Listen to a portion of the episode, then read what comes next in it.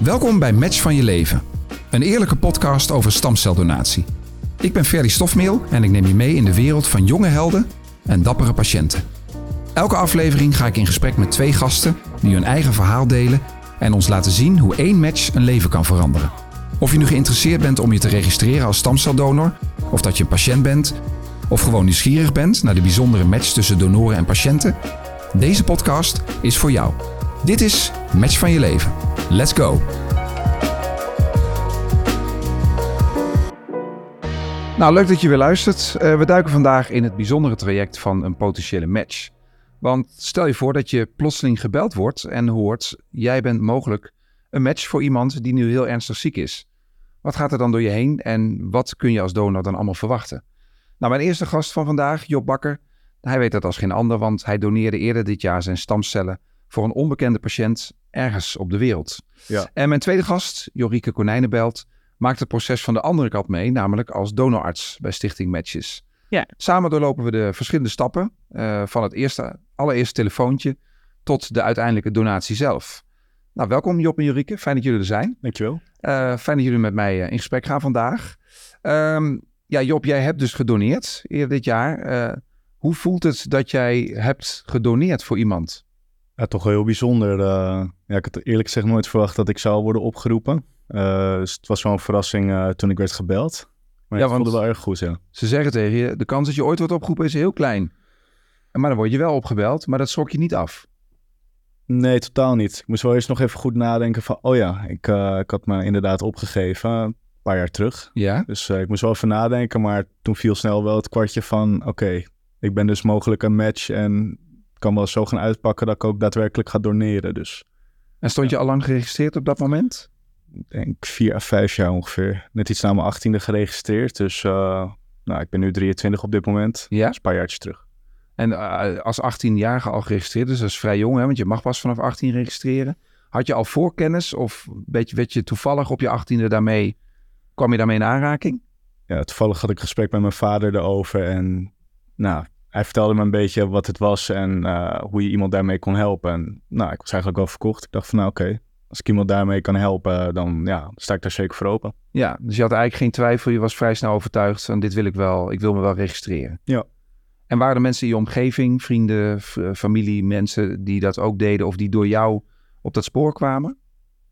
Uh, op dat moment kende ik zelf nog niemand die daadwerkelijk waren geregistreerd. Uh, en sinds dat ik ben geregistreerd heb ik wel wat mensen in mijn kringen beter te overtuigen om hetzelfde te doen. Ja. Dus ja. En toen je daadwerkelijk gedoneerd hebt, heeft dat toen ook, uh, is het toen ook weer in je omgeving meer ter sprake gekomen? Ja, zeker. Ik heb wel verteld wat de situatie was en in welk traject ik me bevond. Dus ja. En wat, wat vonden mensen om je heen daarvan? Dat je dat ging doen of had gedaan? Uh, als eerste heel bijzonder. Bijzonder dat ik dit wilde doen en dat het ook daadwerkelijk zover was gekomen. Dus uh, ja, vooral heel bijzonder. En uh, Jorike, wat voor reacties krijgen jullie van donoren wanneer jullie bellen dat ze een mogelijke match zijn? Dat is, dat is wisselend. Het meestal wel heel positief. Uh, maar dan variërend van, oh, ik ben er even stil van, uh, ik moet even wennen aan dit nieuws wat me nu uh, verteld wordt. Tot en met mensen die in de actiestand springen en denken, waar moet ik zijn? wat kan ik doen en wanneer dan? En maar ook mensen die ervan van schrikken, die denken, waar had ik me ook alweer voor ingeschreven? Wie zijn jullie? Waarom bel je mij? Ja, omdat mensen vergeten zijn dat ze zich geregistreerd hebben, bedoel je? Ja, ja en dan, dan, ja, dan wisselt het soms, komt het weer terug van, oh ja, oh wacht even, ik weet weer waar het voor is, kom maar op. Tot en met, hmm, nee, toch maar niet, ik heb me bedacht. En dat zit er ook bij. En, en, en komt dat vaak voor dat mensen uh, afhaken op het moment dat ze gebeld worden? Ja, meestal wel, wat er gebeurt is dat je eerst gebeld wordt. Je bent mogelijk een match. Kunnen we een vervolgafspraak inplannen telefonisch om wat dingen door te nemen? Uh, en wat er dan gemerkt wordt is dat mensen dan niet opnemen en niet meer bereikbaar zijn. Dus een soort van stille afhaakacties. Ja. En uh, ook wel mensen die gewoon überhaupt niet meer te bereiken zijn. Het kan natuurlijk zijn dat ze een nieuw telefoonnummer hebben, verhuisd zijn, niet meer, niet meer te bereiken zijn. Nee, want ik, heb, ik ben zelf ook geregistreerd als stamceldonor. En dan krijg je wel eens eens in zoveel tijd om even een update te doen van je gegevens. Hè, dus dan, op, dan zou je op dat moment kunnen zeggen: Ik heb een nieuw telefoonnummer of een nieuw adres of een nieuw mailadres. Dat is natuurlijk ideaal als mensen dat doen. Maar dat, ja, dat, dat, daar neemt niet iedereen de tijd voor. Of nee. belandt in een spambox of uh, ook een nieuw e-mailadres. Ja, je kan allerlei dingen verzinnen waardoor dat toch niet helemaal zo bijgehouden wordt. Ja. Uh, dus dat leidt wel tot uh, mensen die niet door kunnen in het traject. En je vertelde al, je wordt in eerste instantie gebeld dat je een mogelijke match bent. en vervolgens wordt er gevraagd om een vervolgafspraak te maken. kun je de rest van het traject kort uit, uitleggen? Hoe, hoe ziet dat hele traject eruit rondom de mogelijke donatie? In die vervolgafspraak uh, wordt dan met je gesproken over wat het allemaal is, zo'n stamceldonatie. Wordt gekeken ook of er medisch gezien bezwaren zijn op dat moment. En dan word je gevraagd om een bloedprik uh, te organiseren bij jou in de, in de buurt. Daar krijg je de materialen en instructies voor. Dat bloed wordt opgestuurd naar de dokter van de patiënt en die kiezen dan de beste match. Als het dan zo is dat jij de beste match bent, dan word je gebeld om te kijken, nou, wil je nog steeds door in het traject? En dan worden de afspraken gemaakt voor een medische keuring en voor de donatie. Nou, ik zie jou knikken, Job. Dat is bij jou ook zo gegaan? Ja, zeker. Ja, kom me heel bekend voor. Nou, we gaan het zo eh, uitgebreid hebben over dat traject zelf, wat er allemaal bij komt kijken. Uh, maar eerst is het tijd voor, eh, voor onze rubriek De Stelling van de Week. want veel donoren die weten op het moment dat ze zich aanmelden nog helemaal niet, of dan weten ze dat de kans dat je ooit überhaupt opgeroepen wordt heel klein is. En we zijn weer de straat op geweest met die stelling. En de stelling van deze week luidt: Eigenlijk hoop ik stiekem dat ik niet word opgeroepen als match. Gaan we even naar luisteren. Oh nee, dat heb ik echt totaal niet. Anders zou ik me ook niet aanmelden, denk ik. Dus ja, ik zou dat eigenlijk hoop ik juist wel dat ik word, aange, dat ik, uh, word opgeroepen. Ja. Nee, dat heb ik niet. Het lijkt me namelijk wel heel mooi, maar ik zou het wel eng vinden als het gebeurt. Nee, anders was ik geen donor geweest eigenlijk. Ja. Dus ze mogen mij oproepen. Mm, dat zou ik een beetje raar vinden, want dan had je je niet moeten aanmelden als ik me eenmaal zou hebben aangemeld, dan zou ik daar ook wel wat van terug willen zien. Nou, ik hoop het wel. Het kan best wel een verschil maken in iemands leven. Dus, ja. Je hoopt wel iemand er wel mee te kunnen helpen. Dus. Ja, het maakt mij niet heel veel uit. Want aan de ene kant, kijk, als ik iemand kan helpen, is dat fijn. Maar ik hoop ook niet per se dat er mensen zijn die het nodig hebben of zo. En die dan een toevallige match zijn met mij. Dus het, ja, het is fijn als het niet nodig is, zeg maar. Ja, het hangt er denk ik een beetje af, af van het moment. Ik weet niet hoe intensief zo'n traject is. Dus of het op dat moment uitkomt of niet. Maar ja, dan maak je daar wel gewoon tijd voor. En ik zou het wel heel mooi vinden als het kan helpen. Dus ja, ik zou het niet erg gevonden vinden om opgeroepen te worden. Nou, wisselende reacties. De meeste mensen geven wel aan van... ja, nee, anders had ik me ook niet ingeschreven. Dus uiteraard uh, hoop ik dat ik ook daadwerkelijk een keer mag doneren. Van een heel mooi antwoord tussen zei dat iemand die zei... nou, ik, uh, ik hoop dat ik het een keer kan doen... Maar ik zou het ook wel heel eng vinden. Ik denk dat dat een heel eh, genuanceerd en, en eerlijk antwoord is. Nou ja, jij, jij, maakt ze direct mee als in, hè, jij spreekt mensen die dus gebeld worden en dan vervolgens daarop reageren. Is dit een beetje, komt dit een beetje overeen? Jawel. Ik denk dat zo'n 90% van de mensen uiteindelijk binnen een paar minuten denkt, oh oké, kom maar. en dat hoor je hier ook terug. Dit wil niet zeggen dat ze het niet spannend vinden, hè, want dat, dat is en dat blijft ook nog wel even spannend, maar ze staan wel positief er tegenover. Ja, het lijkt mij persoonlijk ook heel lastig op het moment dat je je registreert en dat je gebeld wordt van nou, er is iemand heel ernstig ziek en jij bent misschien wel zijn of haar laatste kans of laatste hoop op, op overleven, om dan te zeggen ja, doe het toch maar niet. Dus dan moet de angst voor het traject zo groot zijn om dan nog te gaan zeggen ik doe het niet. Ik kan wel voor mensen aan de, aan de voorkant denken, nou daarom ga ik me niet registreren, maar als je registreert, dan, ja, dan hoop je dat mensen die, uh, die gedachten vasthouden. En bij Job, ja, bij Job uh, was dat dus zo. Je hebt het zo ervaren dat je dacht, oké, nou dan gaan we het doen ook. Zeker. Ja. ja. En, en kun jij ons uh, meenemen in, in een beetje in het traject hoe dat ging nadat je voor de eerste keer gebeld werd? Je bent een mogelijke match? Het moest eerst sowieso erg landen. Ik dacht echt van wow, dit, dit is wel heel bijzonder dat je iemand mogelijk laatste redmiddel bent. Um, nou, toen ging het eigenlijk heel snel. Inderdaad, er werd een vervolgafspraak gemaakt om uh, even telefonisch wat vragen door te nemen. Sta je ervoor open? Uh, sta je open voor een bepaalde behandeling? Dus het doen van een bloedtransfusie of bergmeen. Had jij een voorkeur op voorhand dat je nou het liever via bloed, liever via het beenmerg?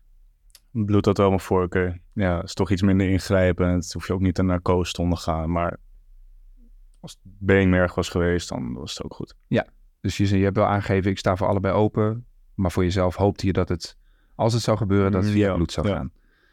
Wat werd het aan jou uh, gevraagd van, of wordt dat op voorhand gevraagd van, uh, ben je bereid om zowel via bloed als via het beenmerk te doneren? Of uh, wordt dat met je overlegd van tevoren? Ja, zeker. Ja, ze vragen wel eerst echt van, wil je het beide of wil je één optie echt niet? dus dat moet ze ook wel respecteren natuurlijk. Ja. Maar je stond voor beide open. Maar hoe wordt nou uh, beslist op welke wijze uh, dat gedaan wordt? Er zijn drie partijen, zeg maar, die daarbij betrokken zijn. De donor zelf natuurlijk. Dus als, als Job had aangegeven bij zijn gesprek, nou, methode A of methode B, dat zie ik echt niet zitten, daar sta ik niet voor open, dan wordt die methode afgeschreven. Dan kan dat niet. Uh, dan de patiëntkant. De dokter van de patiënt kijkt op basis van de ziekte van de patiënt en andere kenmerken van de patiënt wat het beste zou zijn, welke donatiemethode het beste zou passen voor de patiënt. Want er zit een verschil in als je kijkt naar de samenstelling van de cellen die in die beide donatiemethoden en die zakken zitten. Uh, dus de patiëntkant heeft een sterke voorkeur voor methode A of methode B voor zijn, zijn of haar patiënt. En dan komt er een aanvraag bij ons en dan moeten de donorartsen van Matches daar ook nog eens wat van vinden. Uh, want ondanks dat de patiëntkant iets wil en de donor ergens voor open staat, zou het zo kunnen zijn dat er ergens risico's zijn voor de gezondheid van de donor. Waardoor de donorarts zegt, nou dit gaan we niet doen, ik wil jou niet blootstellen aan dit risico, maar misschien kan de andere methode wel. Je zegt dus de gezondheid van de donor, dus niet per se de gezondheid van de patiënt, dat is belangrijk. Maar vanuit matches zijn je dus ook heel erg bezig om constant de gezondheid van de, van de mogelijke donor in de gaten te houden. Ja, dat is primair de verantwoordelijkheid van de donorarts. Die kijkt naar, is het veilig voor deze vrijwilliger om te doen wat wij hem voorstellen? Uh, en uh, secundair is het de verantwoordelijkheid dat ik informatie doorgeef aan de dokter van de patiënt die belangrijk is voor de patiënt, maar daar heb ik verder geen zeggenschap over. Ik ben niet de dokter van de patiënt. En komt het ook voor dat iemand, uh, een patiënt heeft eigenlijk een beenmergtransplantatie nodig? Laat zeggen dat Job eigenlijk de ideale match is, maar Job heeft aangegeven, ik wil het alleen via bloed doen. Neem je dan wel contact op met iemand, zeggen, je zou een mogelijke match kunnen zijn. Je hebt aangegeven, ik wil het niet via het beenmerg. Dat zou in onze ogen wel de beste optie zijn. Wil je het heroverwegen of ga je dan überhaupt iemand niet contacten? We merken dat mensen die in de selectiefase zeggen: Ik wil methode A of methode B, absoluut niet. Dat dat meestal berust op een onwetendheid over, over wat er dan precies voorgesteld wordt. Dus wat we wel proberen is dat we het besluit om iets niet te willen uitstellen tot na de keuring en informatiegesprek, zodat je ook geïnformeerd kan zeggen, nou dit is wel wat voor mij, dit is niet wat voor mij. Uh, maar als iemand heel stellig heeft of als iemand medisch niet geschikt is voor een van de twee methoden en er komt toch een aanvraag voor die methode die dus niet kan, dan leggen we het niet voor. Nee, helder. Dan leg ik terug bij de patiëntdokter. Zo en zo is de situatie. De methode die voor deze patiënt de voorkeur heeft, dat kan niet. Maar misschien is er uh, uh, over de alternatieve methode nog na te denken. Ja, dankjewel. Job, uiteindelijk bleek je dus de beste match te zijn. En werd je uitgenodigd om een dag langs te komen met een medische keuring ook daarbij. Uh, hoe zag die dag eruit? Als eerst moest ik uh, langs het kantoor uh, van Matches in Leiden langskomen. Daarin werd ik gewoon open ontvangen. moest ik een korte vragenlijst invullen over mijn gezondheid. En kreeg ik nog een korte voorlichting van, van de medewerker van Matches. Je heeft mij heel veel dingen uitgelegd over de stamceldonatie, wat er allemaal bij komt kijken. Uh, vervolgens uh, werd mijn bloed afgenomen voor onderzoek. Om toch even alles nog te controleren en om te kijken of het in orde was. Uh, na de bloedafname zijn we langs de hemaferese afdeling gegaan. is mij een korte rondleiding gegeven van hoe de afdeling eruit ziet. wie de mensen zijn die mij een maand later ook zullen ontvangen voor de donatie zelf. Vervolgens hebben we nog een hartfilmpje gemaakt en er zijn er ook nog longfoto's gemaakt. Dus je hebt daar gewoon een volledig gratis uh, medische check-up gehad. Ja, win-win. Ja. En hoe lang duurt nou meestal het traject tussen het moment uh, dat iemand wordt opgeroepen en dat er daadwerkelijk gedoneerd wordt? Meestal binnen drie maanden, maar het kan wel eens heel snel gaan. Het kan ook in elkaar geschoven worden, dat je gebeld wordt. Uh, je bent een match en wil je op, keuring, op, op keuring komen direct. Dus de, de selectiefase en de keuring direct in één keer. Uh, dat kan gebeuren als er veel haast is aan de patiëntkant. Het kan ook zijn dat het langer duurt en dat je een jaar later alsnog gebeld wordt. Als je denkt, nou, het was, kennelijk was ik niet de beste match. En dat je een jaar later alsnog een telefoontje krijgt. Oké, de patiënt is zover, ben je nog steeds bereid om mee te werken. En kan het ook zo zijn dat je niet verkozen wordt tot de beste match? Dat ze het met iemand anders proberen, maar dat een jaar later dat niet heeft aangeslagen en dat ze het dan opnieuw gaan proberen? Kan ook. Dat kan ja, ook. Dat is ook een mogelijkheid. En uh, jij gaf aan, ik was zowel bereid om het via beenmerg als via bloed te doen. Uiteindelijk is het via bloed gegaan bij jou, hè? En uh, Jorike, uh, bij, als je doneert via bloed, dan, dan is er eigenlijk een, een andere voorbereiding dan via het beenmerg. Waarom is dat? nou, omdat stamcellen niet in je bloedbaan horen. Die zitten in je beenmerg. En als je ze via de bloedfiltermethode wil doneren, dan moeten we eerst zorgen dat ze uit je beenmerg komen, zodat de stamcellen in je bloedbaan zitten. Anders hebben we niks te filteren. En uh, begrijp ik dat je dan, dat je dan jezelf moet, uh, spuitjes moet geven in het traject voor de donatie? Ja, klopt. Dat is, uh, dat is het medicijn wat nodig is om die stamcellen vanuit de beenmerg naar de bloedbaan te krijgen. Dat zit in spuitjes inderdaad. Ja, dus door die spuitjes gaan de stamcellen uit het beenmerg komen in je bloedbaan terecht. Moet het, is het letterlijk dat het moet aangroeien en zich moet vermeerderen of moet het verplaatst worden? Verplaatst. Dit is, het, het is een groeifactor wat er in dat spuitje zit, maar het is niet een groeifactor voor stamcellen. Het is een groeifactor voor een bepaald type witte bloedcellen. En het heeft als nevenwerking dat als je dat in een hoge concentratie aanbiedt aan je beenmerg, dat je dan meer witte bloedcellen gaat maken, want het doet zijn werk, maar dat ook de stamcellen uit het beenmerg gedrukt worden en dus in de bloedbaan terechtkomen. En dat gebruiken we voor de donatieprocedure. En hoe was dat, Job? Om, uh, ik neem aan dat je daarvoor nog nooit jezelf spuitjes had toegediend. Nee, gelukkig niet. In het leven. Nee. Uh, hoe was dat om jezelf te, te moeten spuiten? Nou, de eerste keer was wel even wennen. Even zoeken naar de juiste plooi. Uh, nou, kijken hoe het werkt. Maar het ging heel soepel. En hoe, wist je, hoe wist je hoe dat moest dan? er kwam een apotheker langs bij mij op werk. Die heeft me alles echt tot in de puntjes uitgelegd en verteld wat ik moest doen. dus nou, eerste prik, uh, prik moest ik bij mezelf zetten. En zij bleef ongeveer nog een uurtje bij mij om te kijken hoe ik erop reageerde. Om mijn bloeddruk en zo te meten. Nou, het ging erg goed. Even daar aanvullend op, dat is, eh, dat is niet bij elke donor zo. Bij de ene donor komt inderdaad de apothekersassistent langs. Die helpt bij de eerste gift van die groeifactor. In andere gevallen gaat dat op afstand. Krijgt een uh, persoon een filmpje met een instructies. Wordt hij daar ook telefonisch doorheen geleid. maar dan wordt de eerste prik dus zelfstandig gegeven. En blijkbaar kan dat dus, anders zouden jullie dat niet doen. Dus het is niet een medisch uh, onverantwoord risico om het iemand zelf te laten doen op afstand. Nee, nee dat is, wordt ook in de wereld heel vaak uh, zo gedaan. En uh, het ging goed, maar had je er ook last van? Deed het pijn? Nou, het prik je zelf niet. Dat, dat, dat voel je eigenlijk amper. Je voelt wel dat er een vloeistof in wordt gespoten, maar het was bij mij meer de bijwerkingen waar ik wel wat meer last van had. Ja. Dan heb ik het vooral over uh, bot- en spierpijn in de dagen voor de donatie en op de donatie zelf. Ja, dan had je last van spierpijn of je voelde je botten? Ja. ja, bij mij was het zo dat ik echt heel veel stamcellen had uh, aangemaakt. Ik was ook uh, binnen 2,5 uur was ik al klaar met de donatie. en ze geven ongeveer tot max 7 uur ervoor ongeveer. Ja, gemiddeld doen mensen er tussen de 4 en de 5 uur voor. Maar je hebt uitzonderingen naar beneden, zoals jij. Ja, het is niet helemaal ja. representatief misschien voor de, nee, nee. voor de meeste mensen. Maar er zijn ook mensen inderdaad die er langer over doen. Dus je was goed gegroeid, kunnen we zeggen. Zo zegt dat, ja, ja, De witte bloedcellen hebben hun uh, werk goed gedaan. nou ja, het is weer tijd voor de, voor de Q&A. Uh, elke week vragen wij onze luisteraars om, uh, om vragen in te sturen. Die, uh, die jullie, onze gasten, weer, weer kunnen beantwoorden. nou, de eerste vraag die komt van, van Joep. Gaan we even naar luisteren. Hi matches. Wat gebeurt er als jullie een potentiële donor niet direct telefonisch kunnen bereiken? Nou, Jorik, ik denk dat jij dat het beste kan beantwoorden. Je belt iemand op en iemand neemt niet op of reageert niet snel. Wat doen jullie dan? Uh, dan gaan we wel proberen om contact te zoeken op andere momenten of op andere manieren. Dus dan bellen we later terug of we spreken een voicemail in, we sturen een sms, we sturen een mail, we sturen post. In de, in de komende twee weken, zeg maar, zullen we dan op verschillende manieren proberen om contact te zoeken. Uh, en meestal lukt het dan alsnog, maar soms niet.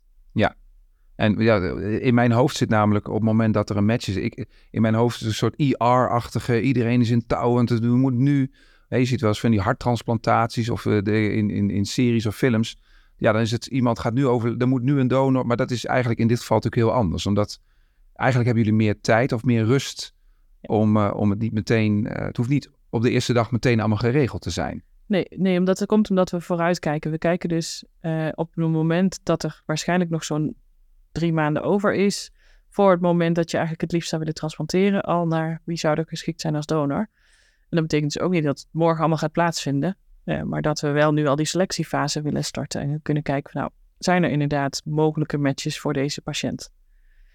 Uh, dus in die fase hebben we nog wel wat tijd. Als het uiteindelijk aankomt op de volgende fase, als je echt gevraagd wordt voor een donatie, en dan is er wel eens haast. Dan moet het vaak wel kortere termijn. En dat leidt wel eens tot verwarring ook bij mensen. Omdat ze hebben gemerkt van ja, de eerste hebben zoveel tijd en dan hoor ik een paar weken niks. Nu heb je ineens haast. Had al een paar weken geleden gebeld. Maar zo, zo zit het dus niet helemaal in elkaar in het proces. Nee. Nou, onze tweede vraag die, uh, die komt van Esther. Hoi, mijn naam is Esther. Mijn zoon heeft twee weken geleden bloed opgestuurd omdat hij waarschijnlijk een match zou kunnen zijn. Krijgt hij altijd bericht, ook als hij het niet geworden is? Nou, ik denk Jorike dat jij dat weer het beste kunt beantwoorden. Je krijgt sowieso bericht. Um, we, we, sturen een bericht als de, um, ja, noem je dat, de reservering, laat ik het zo maar. De reservering van, van jou als donor voor deze patiënt eindigt. En dat is standaard een periode van drie maanden, waarin we dus vanuit gaan dat er een keus gemaakt zou worden wie de beste match is voor deze patiënt en dat het vervolgstuk ingezet gaat worden. Uh, en daarna vervalt dat. Dan word je weer uh, ook in het systeem beschikbaar om gezocht te worden voor andere patiënten dan deze specifieke patiënt. En daar krijg je bericht van. Dat wil meestal zeggen dat er dan iemand anders gekozen is als beste match, maar dat hoeft dus niet. Want het kan ook zijn dat je wel de beste match bent, alleen dat de patiënt nog niet zo ver is. En dan krijg je later alsnog bericht. Ah, oké. Dus dat is ook een optie. Ja. En word je in principe altijd pas afgezegd, uh, laat ik zo zeggen, er zijn drie mensen die alle drie potentieel match zijn. Uh, match A blijkt de beste te zijn. Worden B en C uh, pas afgezegd op het moment dat het helemaal rond is met persoon A. Want als iemand in het traject besluit om het toch niet te doen, of er zijn toch complicaties, uh, of zeg je we, we, bellen mensen zo snel mogelijk af, maar zeggen erbij, mocht je later toch nog een optie zijn, dan komen we weer bij je terug. Dat laatste. Dat laatste. Dus je krijgt een bericht van, nou, je wordt weer op beschikbaar gesteld in het, in het donorbestand. Mocht het zo zijn dat er toch een beroep op je gedaan zal worden vanuit de patiënt voor deze patiënt, dan krijg je weer bericht van ons. Ja. Nou, de laatste vraag komt van, uh, van Naba. Hallo, mijn naam is Naba en mijn vraag is: wat gebeurt er als een donor bij een oproep terughoudend is? Ja, ik denk dat ik weer bij jou uh, kom, Jorike. Nou, dan, dan uh, gaan we in overleg met de donor om te kijken wat, wat het beste helpt om zelf een besluit te kunnen nemen. En dat, dat is meestal iets van, nou, zullen we je bedenken, tijd geven en laten we volgende week weer eens terugbellen. Uh, of heb je extra informatie nodig? Wil je, heb je een specifieke vraag waar je wat over wil weten?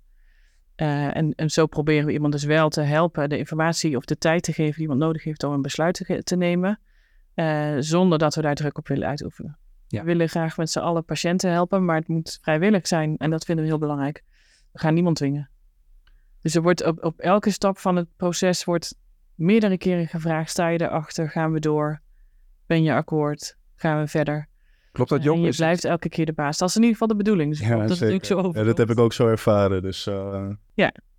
Ja, dus je hebt dus jou meerdere keren in het hele traject gevraagd: wil je het nog steeds? Uh, dit is de volgende stap. Uh, ja. Wil je dat? En had je het gevoel dat er voldoende bedenktijd was om daarop te reageren? Ja, zeker. Ik werd niet onder druk gezet of nee. gezegd van... hé, hey, je moet nu uh, echt gaan beslissen en dan gaat het ook gebeuren. Het ook niet een contract onder je neus geschoven van... als je dit nu tekent, dan is er geen weg meer terug of zo. Nee. Nee, dus daar was ik wel heel vrij in.